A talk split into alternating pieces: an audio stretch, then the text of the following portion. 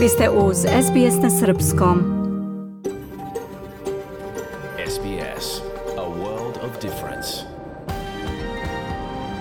You're with SBS Serbian on mobile, online and on radio. Vi ste uz SBS na Srpskom, na mobilnom, na internetu i na radiju. SBS odaje priznanje tradicionalnim vlasnicima zemlje sa koje danas emitujemo program na srpskom. Ovim izražavamo poštovanje prema narodu Kemrigal i njegovim prošlim i sadašnjim starešinama. Takođe odajemo priznanje tradicionalnim vlasnicima zemlje i svih aboriđinskih naroda i naroda ostrva Toresovog Moreuza, na čijoj zemlji slušate naš program. Dobar dan.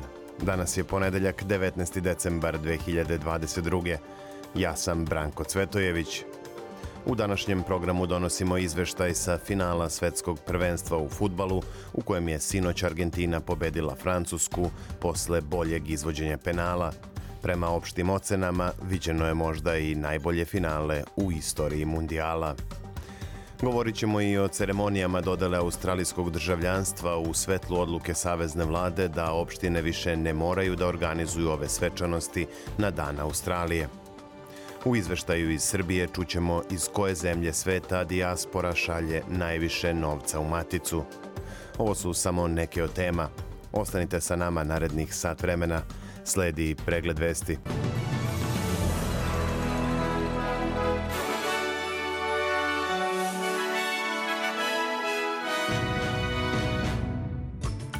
Australijska ministarka inostranih poslova Penny Wong utorak putuje u posetu Kini. I dalje napeto na severu Kosova, građani Srbije probili kordon policije kod prelaza Jarinje. Milo Đukanović potpisao izmene zakona o predsedniku države. Očekuje se formiranje nove vlade Crne Gore. Slede vesti iz Australije i Nataša Kampmark.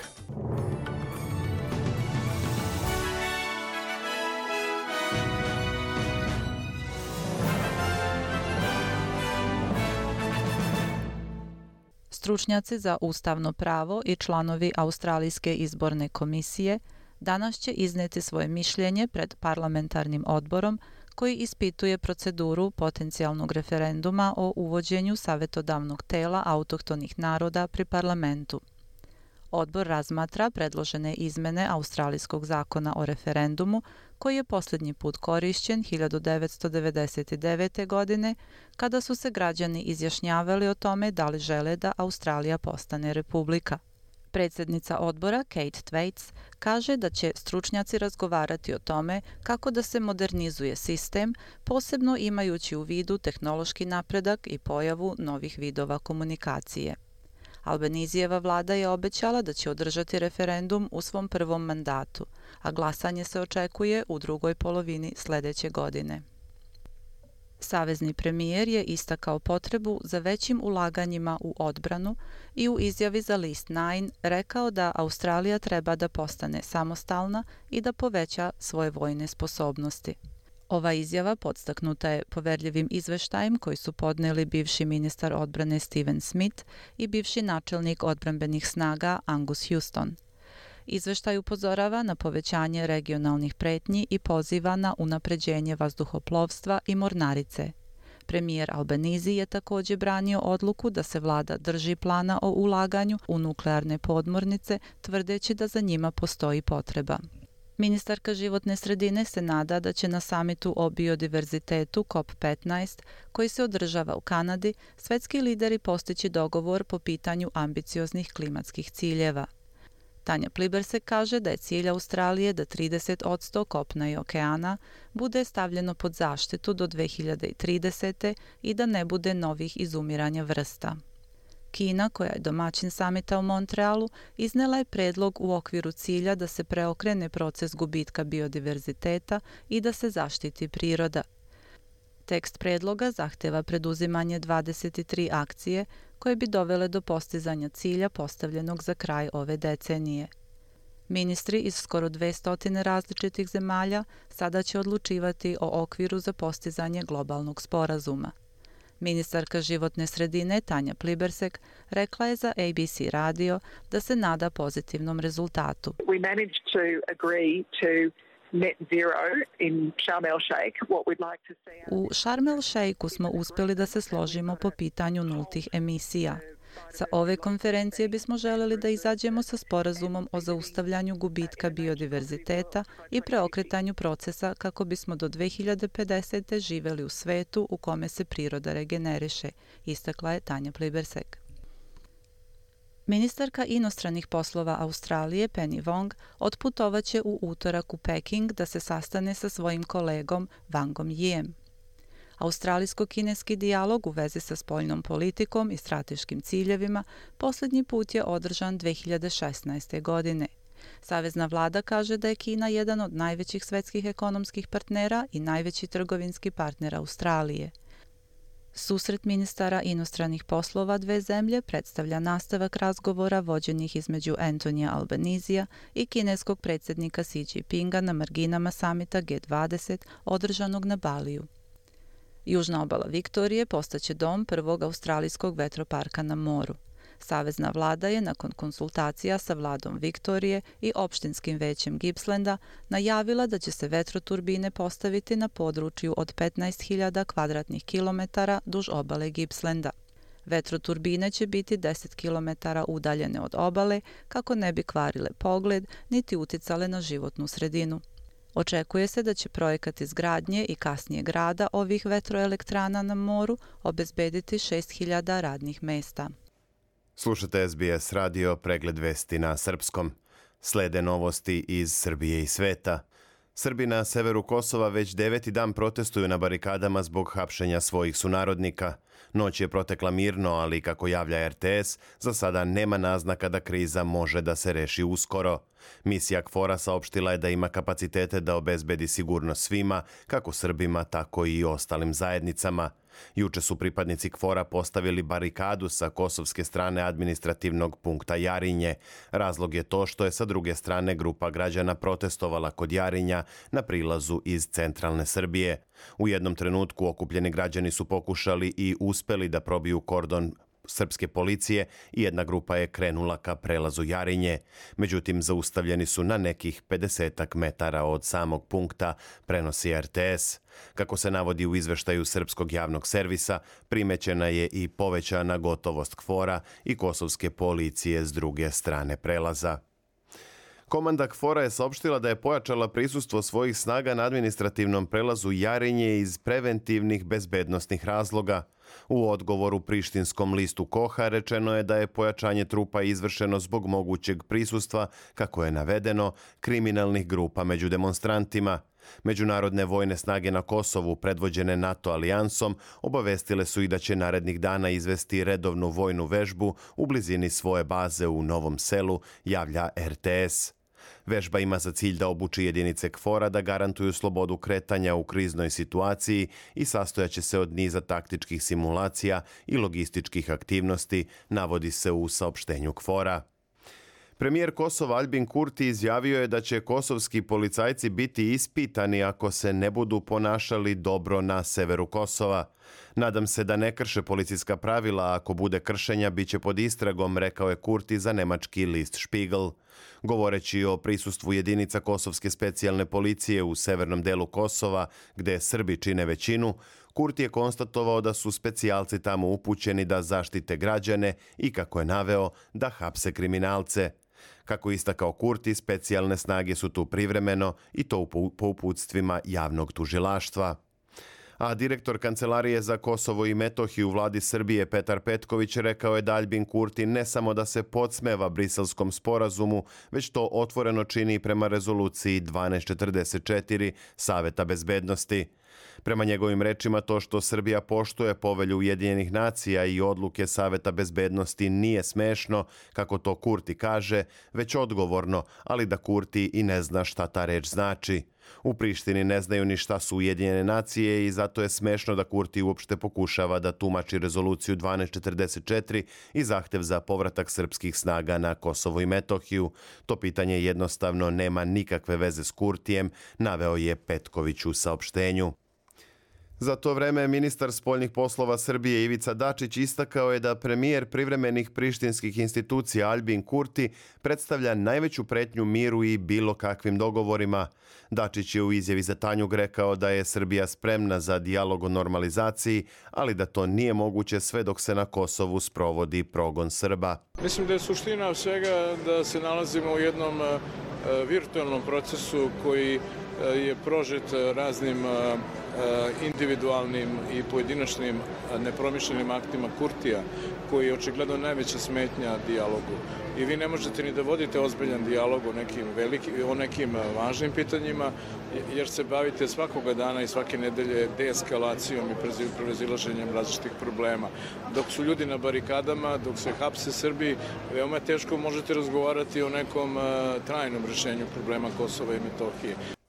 Dačić je dodao i da je ponašanje predstavnika međunarodne zajednice cinično, pošto kao glavno pitanje ističu barikade. On je za TV Pink rekao da su barikade na severu Kosova politička borba Srba protiv Kurtijevog terora i za poštovanje briselskog sporazuma.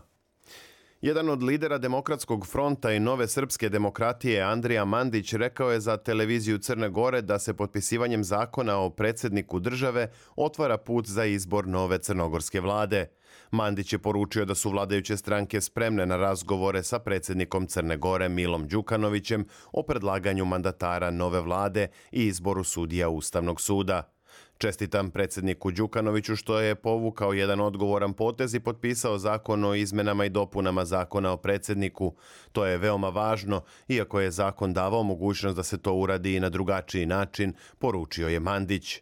Đukanović je juče potpisao ovaj akt, kako je naglasio, zato što kao predsednik poštuje Ustav. Više o ovoj temi kasnije u programu reći će naša saradnica Milica Delibašić.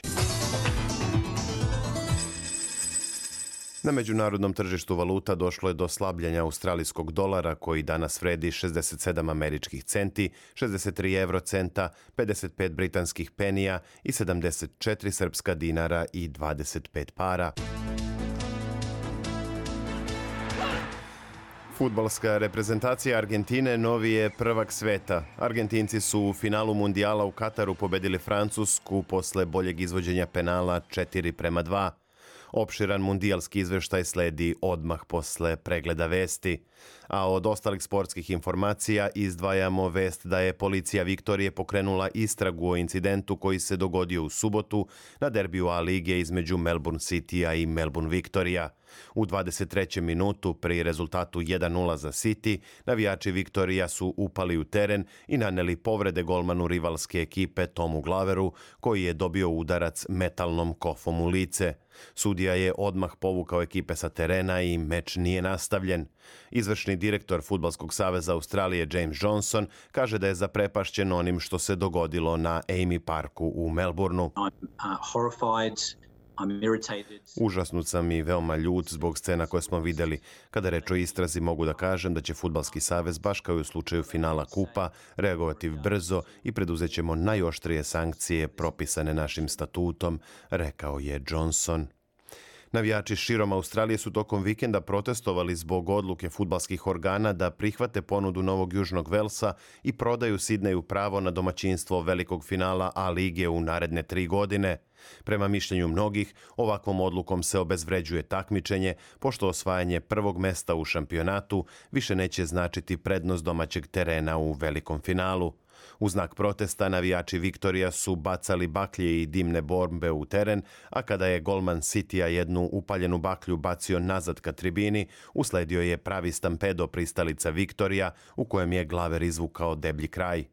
Juče u osmom kolu A lige Western United savladao Wanderers sa zapada Sidneja 1-0 golom srpskog futbalera Aleksandra Prijovića u petom minutu. U timu Wanderersa nije bilo Miloša Ninkovića zbog povrede zadobijene u prethodnom kolu. Danas će u Rimu biti sahranjen proslavljeni srpski futbaler i trener Siniša Mihajlović, koji je preminuo 16. decembra posle duge i teške borbe sa leukemijom. Juče su se od Mihajlovića opraštali mnogobrojni prijatelji, kolege, navijači i poštovaoci širom sveta. U Rimu je odlukom gradskih vlasti njegov kovčeg izložen u istorijskom Kampidolju, što je inače privilegija zaslužnih građana Rima. Oko kovčega su postavljeni venci koje su doneli predstavnici Lacija, Rome, kao i Svetske futbalske federacije FIFA i njenog predsednika Infantina. Sinišin brat i sin su preko kovčega postavili srpsku zastavu i Mihajlovićev dres iz Lacija sa brojem 11. Hiljade ljudi prošlo je u mimohodu da oda poštu preminulom srpskom treneru, a mnogobrojne poznate ličnosti uputile su saučešće porodici. Za to vreme u Beogradu na stadionu Crvene zvezde održana je komemoracija na kojoj je prisustvovao veliki broj sinišinih nekadašnjih saigrača, kao i mnoge legende Crvene zvezde i reprezentacije, ali i predstavnici večitog rivala Partizana – Od Mihajlovića su se dirljivim govorima oprostili njegov nekadašnji saigrač i cimer Dragiša Binić i trener Ljupko Petrović, kao i predsednik Crvene zvezde Svetozar Mijailović i počasni predsednik Dragan Đajić. Evo i kakve nas vremenske prilike očekuju sutra. U Sidneju povremeno oblačno i 23, u Melbourneu sunčano i 27, a u Kamberi takođe vedro i maksimalnih 23. U utorak u Adelaidu moguća kraća kiša i 31 stepen, u Pertu sunčano i vrlo toplo 35, a u Brisbaneu uglavnom vedro i 27. Za Hobart se najavljuje oblačan dan i 19, a u Darwinu moguće prolazno nevreme i maksimalnih 33 stepena. U Srbiji danas vedro i hladno, temperatura od minus 1 do plus 4. Bilo je to sve u pregledu vesti SBS radija na srpskom jeziku za 19. decembar 2022. Za više informacija posetite sbs.com.au kosacrta news.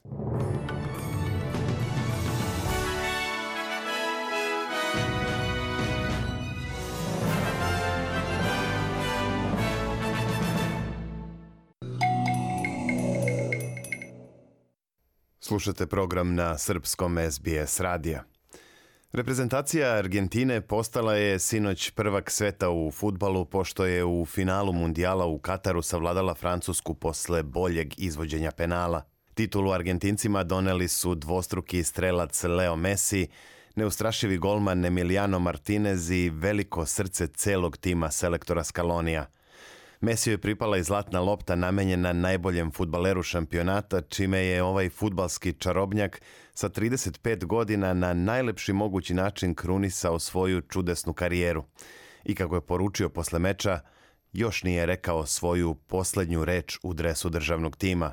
U narednim minutima poslušajte izveštaj sa finala svetskog prvenstva i utiske aktera posle utakmice – koja će ostati upamćena kao jedno od najboljih i najuzbudljivijih finala u istoriji mundijala.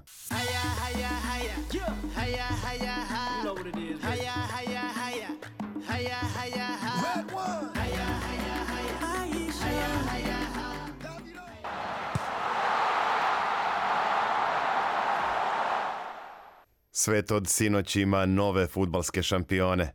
Predvođeni neponovljivim Lionelom Messijem, futbaleri Argentine pobedili su branioce titule selekciju Francuske i osvojili treću titulu prvaka u istoriji, a prvu posle 1986. i čuvenog triumfa u Meksiku. Na stadionu Lusail u Dohi viđeno je jedno od najboljih finala svetskih prvenstava ikada.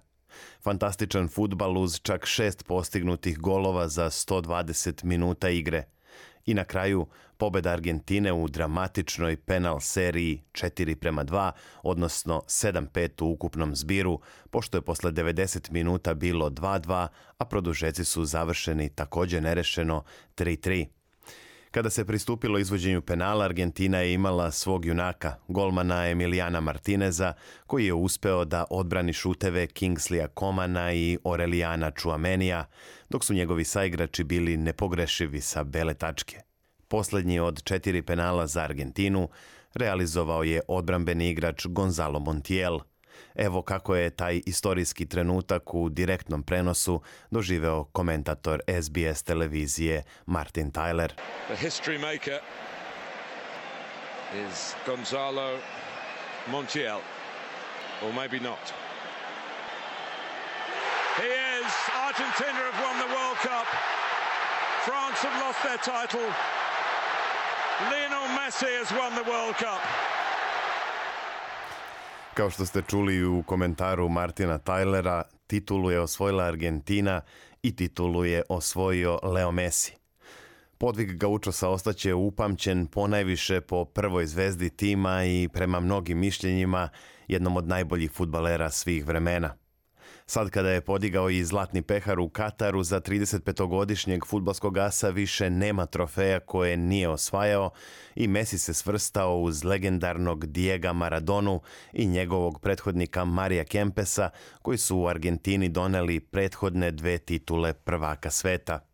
Messi je za sjajne igre na šampionatu dobio i zlatnu loptu, nagradu za najboljeg futbalera mundijala, a usput je oborio i nekoliko rekorda svetskih prvenstava koji dugo neće moći da budu ugroženi.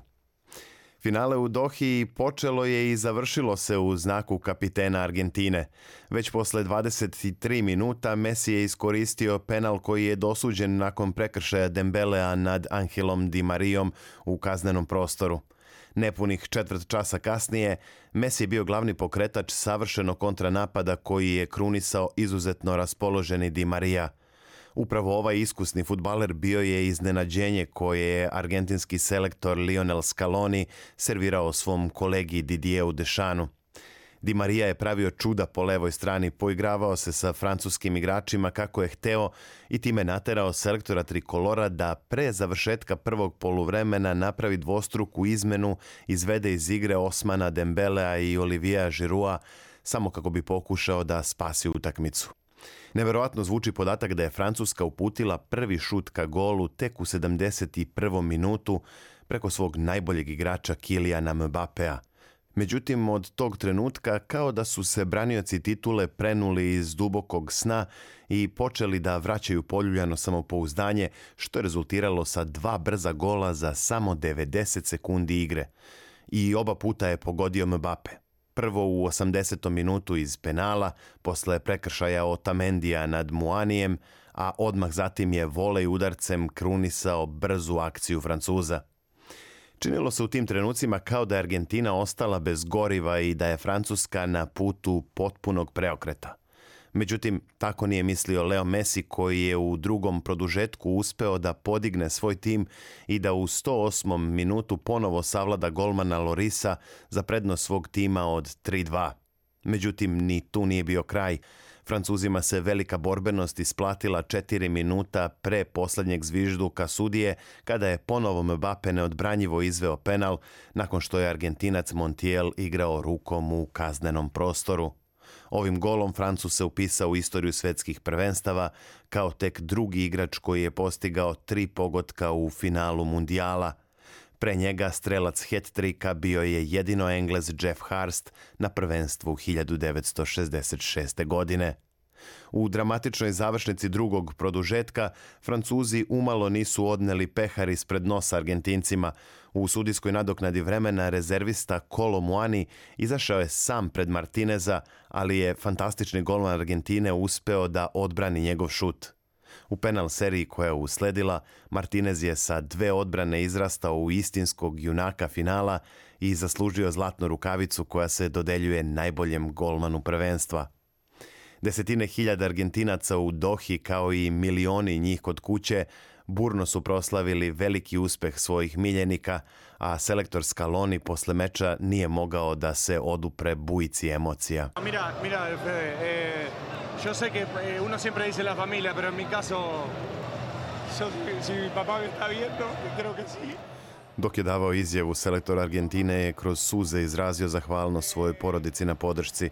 Rekao je da su njegovi roditelji zaslužni za ono što je on danas jer su ga naučili da nikada ne odustaje i da nikada ne bude ni protiv koga. Naučili su me da uvek gledam napred i danas uživam u svemu ovome što smo postigli. Želeo sam da sve uradimo na pravi način i imao sam sreće što sam bio ovde i što smo na kraju pobedili u finalu.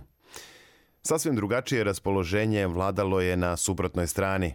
Selektor Francuske Didier Deschamps nije uspeo da postane drugi selektor u istoriji koji je odbranio titulu prvaka sveta. Non, quand même, non. Pas de félicitations, faut féliciter l'Argentine. Dešan je smogao snage da viteški čestita Argentini na pobedi i osvojenoj tituli. Posle svega možemo samo da žalimo jer smo se vratili nijotkuda. Dva puta smo stigli do izjednačenja i u 120. minutu imali smo priliku da osvojimo svetsko prvenstvo ali nije nam pošlo za rukom i to je ono za čim žalimo. Da smo izgubili sa 2 ili 3-0, ne bismo imali šta da kažemo, ali ovako, kad smo uspjeli da se popnemo uz planinu i dođemo do samog vrha, ostaje veliki žal što smo zastali i na kraju smo morali da siđemo sa tog vrha, rekao je francuski selektor. Slaba uteha za Francuze i njihovog najboljeg igrača Kilijana Mbapea je zlatna kopačka koja je pripala upravo 24-godišnjem napadaču kao najboljem strelcu prvenstva. Mbappe je postigao čak osam golova na mundijalu, jedan više od drugoplasiranog Lea Mesija. Argentina će u naredne četiri godine zasluženo nositi titulu prvaka sveta, a najveća nagrada za ovu futbalsku naciju je objava koju je posle finala saopštio njihov junak Leo Messi. Naime, kapiten Gaučosa je izjavio da se posle velike pobede neće povući iz reprezentacije. Želim da sada kao šampion sveta nastavim da igram u dresu Argentine, rekao je Messi posle dodele pehara. Slavni Argentinac će sigurno biti deo ekipe koja će se pripremati za naredni Kup Amerike koji se igra 2024. godine. Da li će i dalje biti aktivan u vreme idućeg mundijala, Istovremeno je i teško i prerano predviđati jer nas od narednog prvenstva sveta dele tri i po godine, a Mesiju je već 35. Naredni svetski šampionat održat će se 2026. godine u Kanadi, Sjedinjenim američkim državama i Meksiku.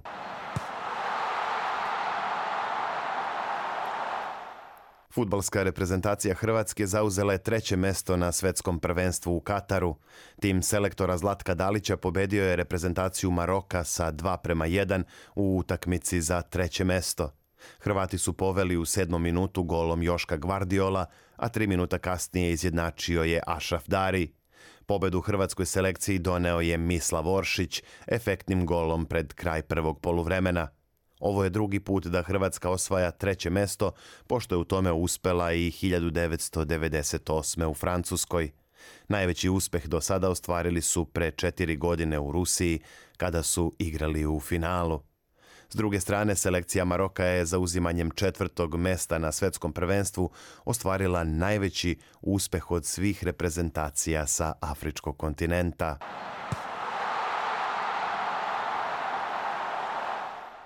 Predsjednik Svetske futbalske federacije FIFA Gianni Infantino izrazio je veliko zadovoljstvo po okončanju mundijala i izjavio da će Svetski kup u Kataru ostati upamćen kao najbolji do sada.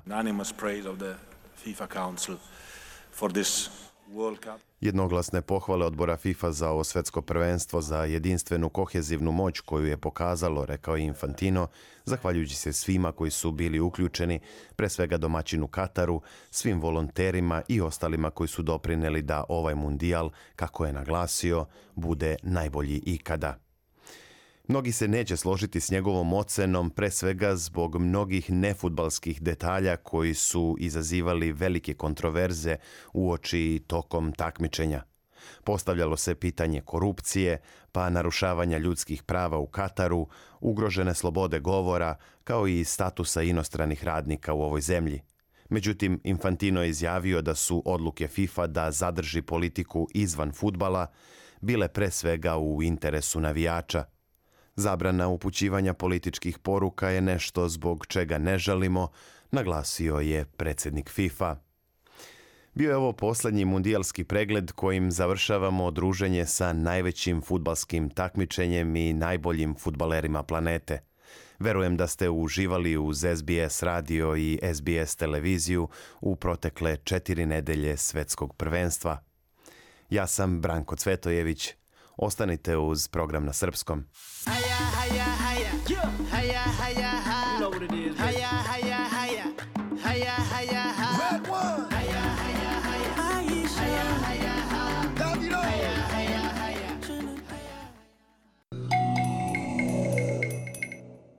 Slušate SBS na srpskom.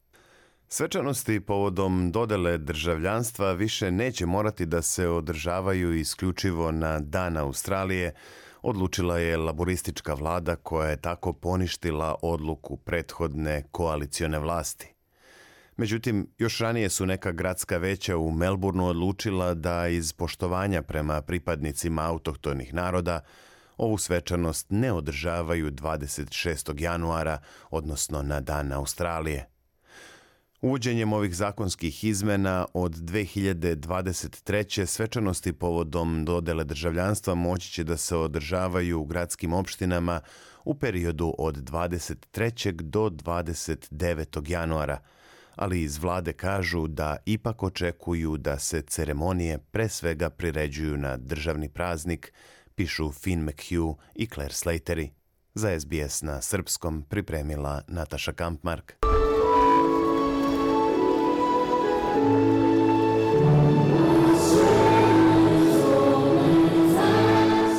Dan Australije je ključni datum kada se u gradskim opštinama širom Australije svečano uručuju uverenja o državljanstvu i izražava dobrodošlica novim državljanima. Od sada će međutim gradska veća moći da biraju dan održavanja ove svečanosti. Ministar za imigraciju Andrew Giles kaže da su ovom odlukom uklonjene prepreke i formalnosti koje su sprečavale ljude u nekim opštinama u Melbourneu da zvanično budu primljeni u državljanstvo Australije u svojoj lokalnoj zajednici, okruženi prijateljima i porodicom. Prema novim pravilima, svečanosti povodom dobijanja državljanstva moći će da se održavaju tri dana pre ili tri dana posle 26. januara, što znači bilo koji dan u periodu između 23. i 29. januara. Ovom odlukom laborističke vlade poništavaju se izmene koje je koaliciona vlada uvela 2017. godine i prema kojima su sva gradska veća bila obavezna da tu svečanost organizuju na Dan Australije. Evo šta je bivši savezni premijer Scott Morrison rekao 2019. godine braneći tu odluku. You know, I'm a prime minister that's for standards. Znate da sam ja premijer koji drži do standarda. Sada postavljam standarde gradskim opštinama ukoliko žele da organizuju svečanosti povodom dobijanja državljanstva. Savezna vlada, australijska vlada, je nadležna za ove svečanosti. Ovo su pravila. Ako hoćete da ih se pridržavate, dobro, želeli bismo da se uključite. Ako ne želite, nema problema, naći ćemo nekog drugog za taj zadatak, rekao je tadašnji premijer. Bivša vlada je uvela ta pravila nakon što su neka gradska veća u Melbourneu odlučila da svečanost ne održavaju na Dan Australije u znak poštovanja prema pripadnicima autohtonih naroda za koje taj dan predstavlja dan invazije na teritoriju aboriđina i žitelja Toresovog Moreuza. Novom odlukom aktuelne laborističke vlade ukida se zabrana koja je dvema gradskim opštinama u Melbourneu od 2017. godine onemogućavala da održavaju svečanosti povodom dobijanja državljanstva. Ministar za imigraciju Andrew Giles kaže da njegova vlada želi da ujedini Australijance, a ne da ih podeli. This is about recognizing that Ovim se priznaje da je put do sticanja državljanstva temelj našeg identiteta savremene multikulturalne zemlje. Ovim se priznaje da završni korak na tom putu svako treba da pređe u svojoj zajednici, okružen prijateljima, porodicom i izabranim predstavnicima lokalne uprave, istakao je ministar. Gradska opština Jara na severu Melburna prva je izglasala da se napusti praksa održavanja svečanosti na Dan Australije. Gradonačelnica Claudia Nguyen kaže da se njeno veće zalagalo kod vlade da se poništi ova zabrana i njena zajednica je oduševljena vladinom odlukom. The federal government here Savezna vlada ovim priznaje da nekim zajednicama nije prijatno da svečanost organizuju 26. januara. Ovo je korak napred. Radimo zajedno da izađemo u susret članovima zajednice koji su zaista uzbuđeni jer će moći da proslave dobijanje državljanstva na svečanosti u gradskoj opštini Jara, rekla je Nguyen. Obližnja opština Mary Beck ranije ovog meseca takođe je na glasanju odlučila da se ugleda na primer opštine Jara i tako je uz opštinu Darebin postala treća gradska opština u Melbourneu koja je to učinila. Gradonačelnica Anđelika Panopoulos kaže da će nova pravila omogućiti gradskim većima da izaberu kada žele da organizuju svečano uručenje uverenja o stečenom australijskom državljanstvu. Becoming a citizen doesn't need to happen on Australia Day. Nije obavezno da neko primi državljanstvo na dan Australije 26. januara. Organizujemo svečanosti tokom čitave godine. Poenta je da svečanost bude radostan događaj. To je velika prekretnica u nečijem životu, proslava velikog puta koji su prešli i odlučili da Australiju učine svojim domom.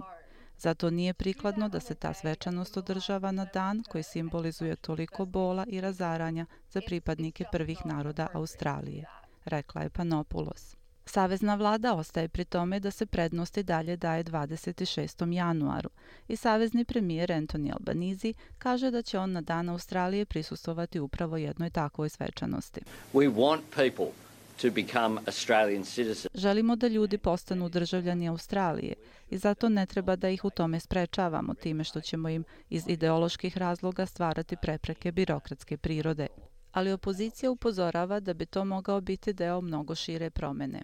Well, they've given in to these Green Left Council Koalicioni portparol za imigraciju, Den Tien, kaže da je vlada po pitanju održavanja svečanosti popustila pred zahtevima levičarskih gradskih opština koje vode zeleni, ali da se te opštine neće tu zaustaviti jer ako je Albanizijeva laboristička vlada, kaže on, popustila po ovom pitanju, to pokazuje da su spremni da popuste i po drugim pitanjima, a bojim se da je tek mali korak između ovoga i pomeranja dana Australije, te da će laboristička vlada prekršiti obećanje dato narodu i započeti proces pomeranja datuma dana Australije, smatra Dentien ali savezni premijer Anthony Albanese negira da bi do toga moglo doći. I support Australia Day. The government supports Australia Day. There are no changes here. Podržavam Dan Australije. Vlada podržava Dan Australije, to se neće promeniti. Ali ono što ne treba da dozvolimo jeste da se nekom Johnu Smithu, novom useljeniku iz Ujedinjenog kraljevstva, onemogući da postane državljanin Australije zbog odluke koju je donelo neko gradsko veće. Iskreno govoreći, to nije pošteno prema ljudima, istakao je premijer. Vlada kaže da prvi put za pet godina ima manje od 100.000 podnetih zahteva za državljanstvo. Slušajte SBS na srpskom, na mobilnom, na internetu i na radiju.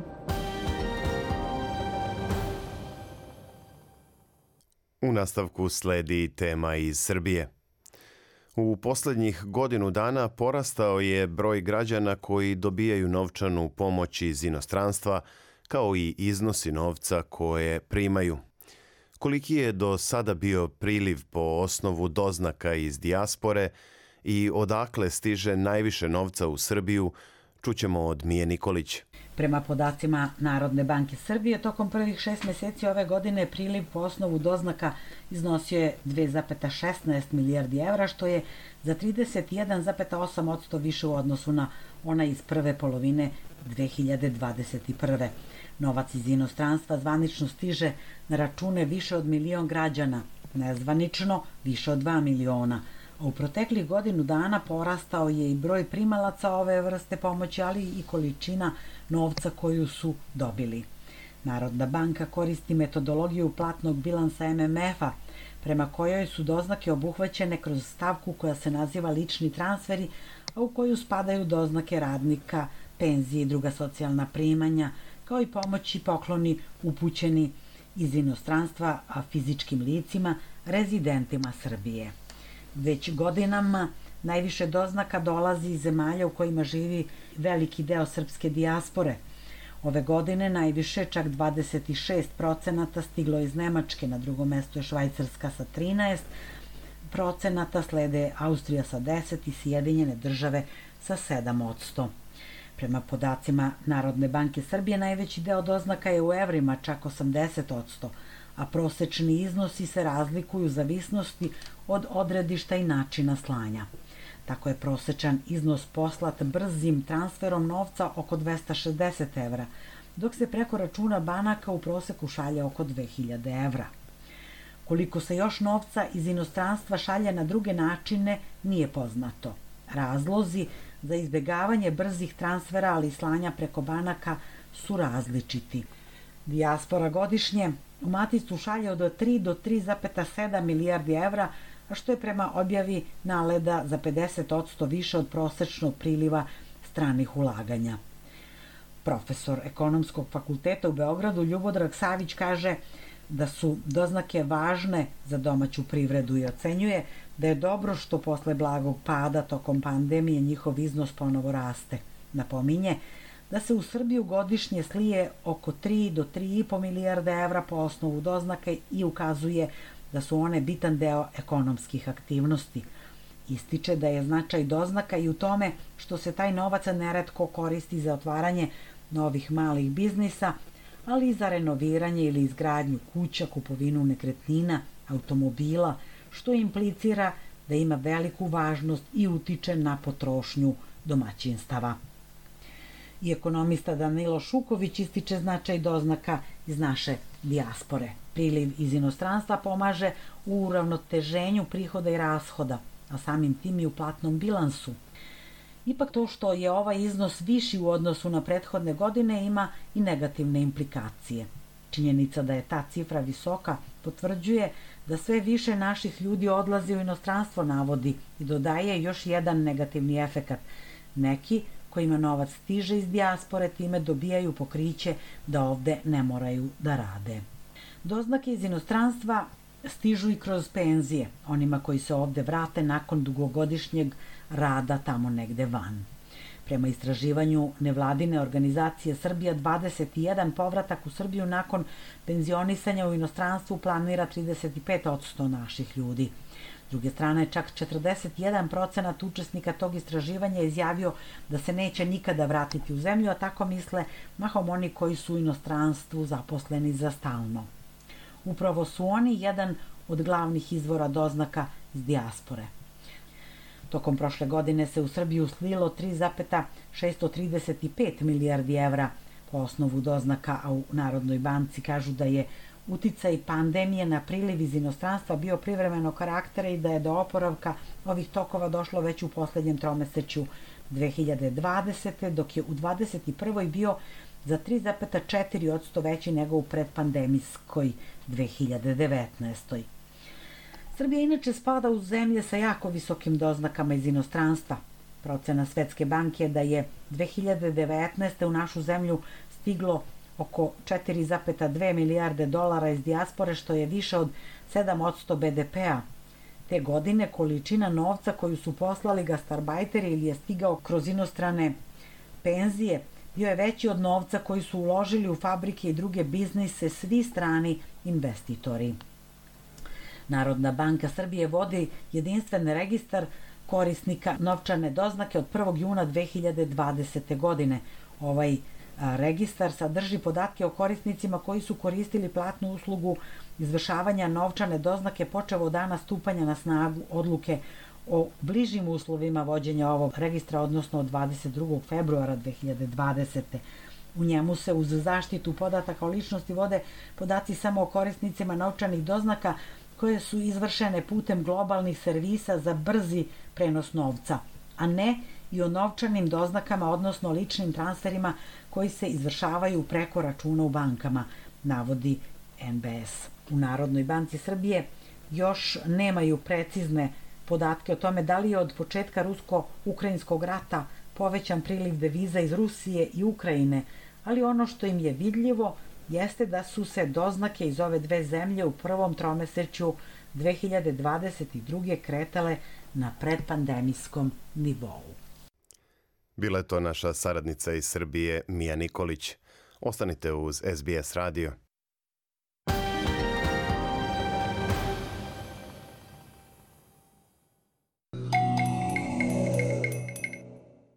Slušate SBS radio, program na srpskom jeziku. Crna Gora je u proteklom periodu zapala u jednu vrstu političkog vakuma u kojem je i posle izglasavanja nepoverenja vladi isti kabinet ostao na funkciji u tehničkom mandatu. Razlog za takvu situaciju je to što je predsednik države Milo Đukanović još u septembru odbio predlog parlamentarne većine da predloži Miodraga Lekića za mandatara vlade, navodeći da se nisu stekli neophodni uslovi za to, Đukanović zatim nije prihvatio ni da potpiše izmene zakona o predsedniku države koje su izglasane u parlamentu na predlog Demokratskog fronta, Demokrata i pokreta URA. On je vratio zakon u parlament na ponovno preispitivanje, a nakon određenih izmena koje su unete u raniji nacrt, Predlog je ponovo izglasan u Skupštini i po drugi put poslat Đukanoviću na potpis. Predsednik opozicionog DPS-a i Crne Gore ovaj put je ipak potpisao izmene zakona, ali i naglasio da ne želi da se pridruži onima koji ruše ustav i državu. Inače, prethodnih dana u Podgorici su boravili zaslanici Sjedinjenih američkih država, Evropske unije i Velike Britanije, koji su se sastali sa političkim liderima. Oni su tom prilikom izrazili stav da su izmene zakona o predsedniku suprotne preporuci Venecijanske komisije. Ipak, uprkos zabrinutosti međunarodnih faktora, ovaj pravni akt je sada na snazi, što otvara vrata za imenovanje novog mandatara i nove vlade. Iz Podgorice izveštava Milica Delibašić. Predsjednik Crne Gore Milo Đukanović 16. decembra potpisao je izmjene zakona o predsjedniku koji je ranije u Skupštini usvojila parlamentarna većina. On je saopštio da je potpisivanje ukaza o primjeni zakona njegova ustavna obaveza, ali ne i sprovođenje tog zakona. Znam da imaju utemeljenja i težinu i mišljenja da se iz neprava ne može stvarati pravo. Ja izuzetno poštujem i snažno podržavam stavove i emocije stavove i emocije građana koje se, koji se izražavaju kroz proteste protiv rušenja ustavno-pravnog poredka, a time i rušenja države.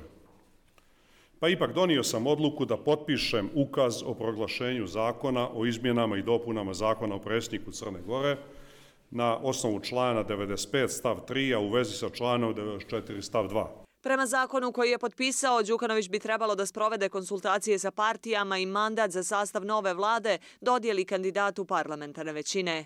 A na pitanje novinara da li će dati mandat Miodragu Lekiću kaže Kazao sam ne želim da učestvujem u implementaciji neustavnog zakona. Tačka. Što se tiče raspuštanja parlamenta, Đukanović poručuje da će se konsultovati sa svojim savjetnicima.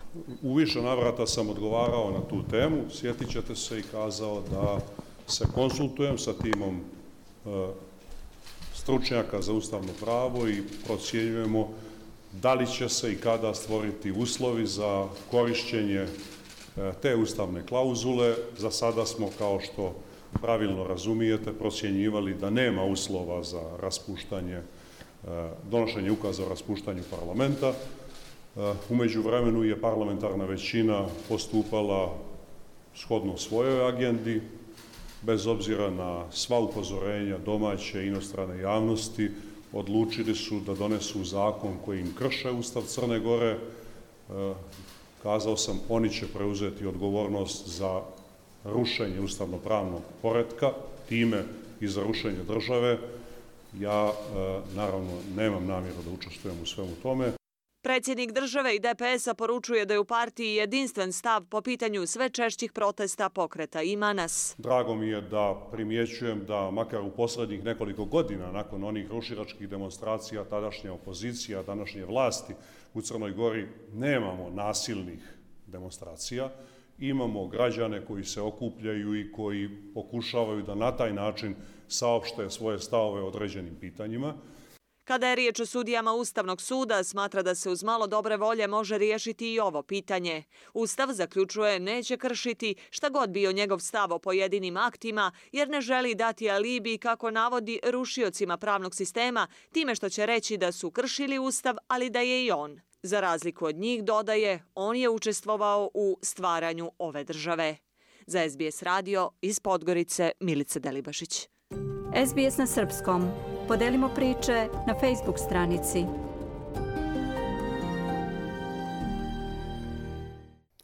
U nastavku programa govorimo o predstojećim božićnim i novogodišnjim praznicima iz jednog drugačijeg ugla. Poznato je da vreme praznika može da bude naročito teško za socijalno ugrožene porodice. Ove godine situaciju značajno otežavaju i poskupljenja i rast troškova života. Zbog toga humanitarne organizacije koje pružaju pomoć siromašnijim građanima pripremaju božićne pakete sa životnim namirnicama i obroke za ljude koji se muče da sastave kraj s krajem, izveštava za SBS Francesca Denućo. Za program na srpskom priredila Nataša Kampmark.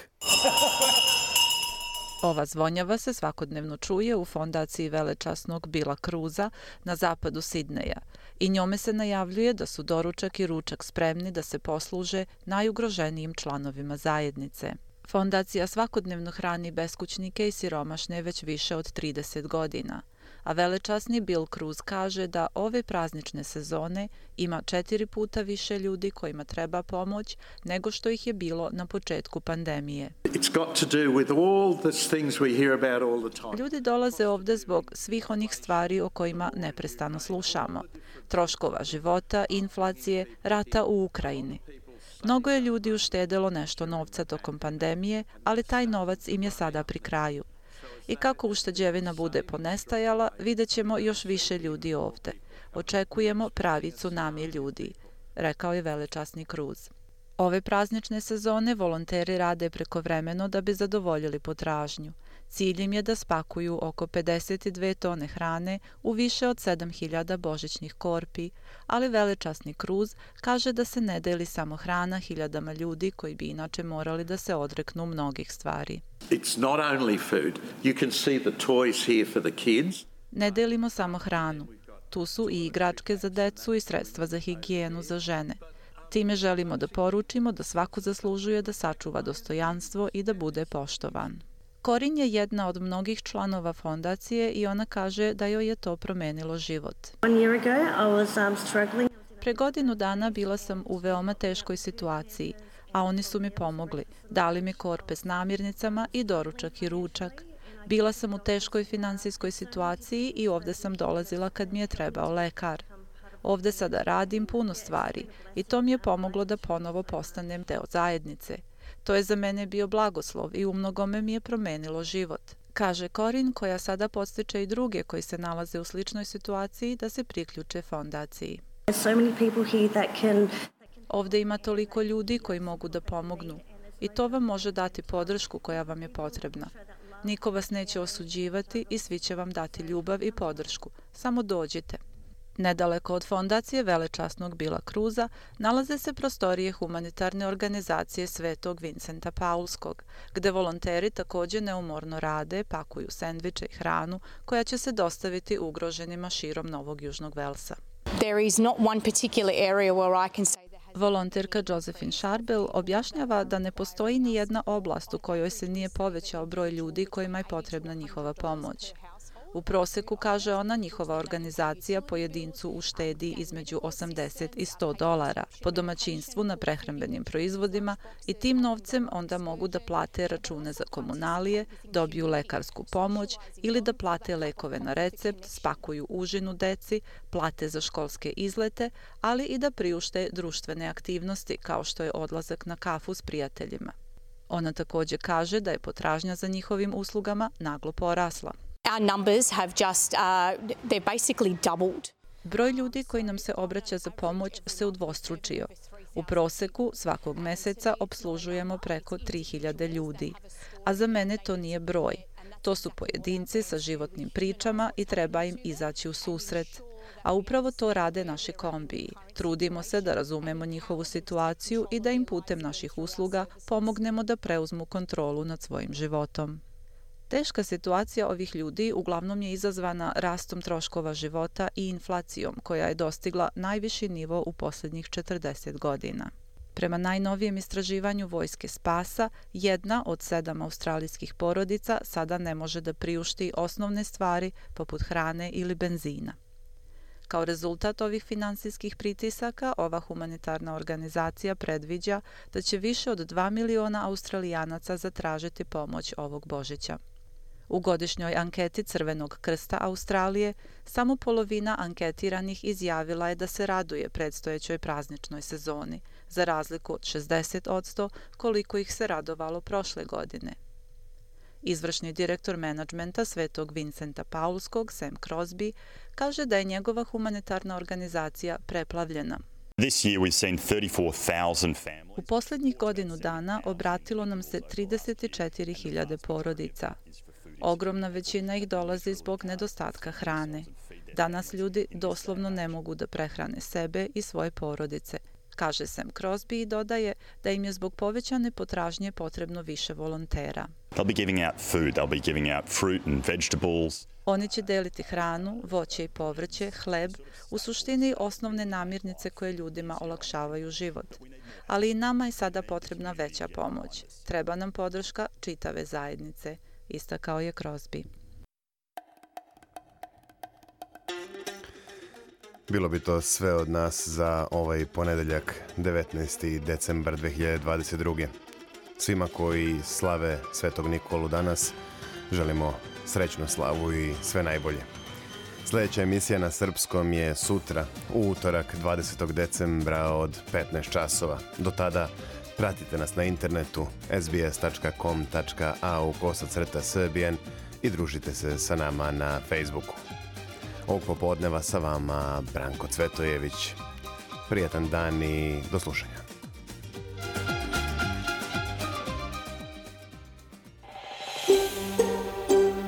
Želite da čujete još priča poput ove? Slušajte nas na Apple Podcast, Google Podcast, Spotify ili odakle god slušate podcast.